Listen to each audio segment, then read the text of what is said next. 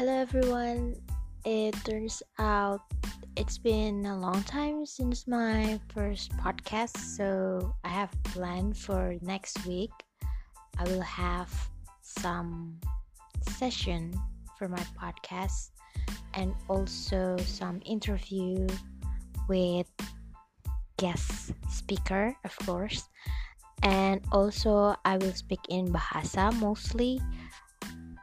But I hope that you can enjoy my podcast. I just want to share you my dream in the future, my passion for writing, reading, and also I love doing outdoor activities like hiking and also sightseeing. And I have interest in history so basically I also love to wandering around the city and get to know the historical building like that and to the traditional market where I can meet local people and they have local cuisine.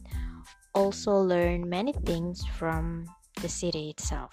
So, probably for a week ahead, I try to do my podcast quite frequently because it's been a pause since my first podcast, like I said before but I hope we can get along and probably you can send me a voice message. So I can do a topic you probably want to hear and we can discuss it or you can send your request through the voice message in Bahasa or in English. It will be fine.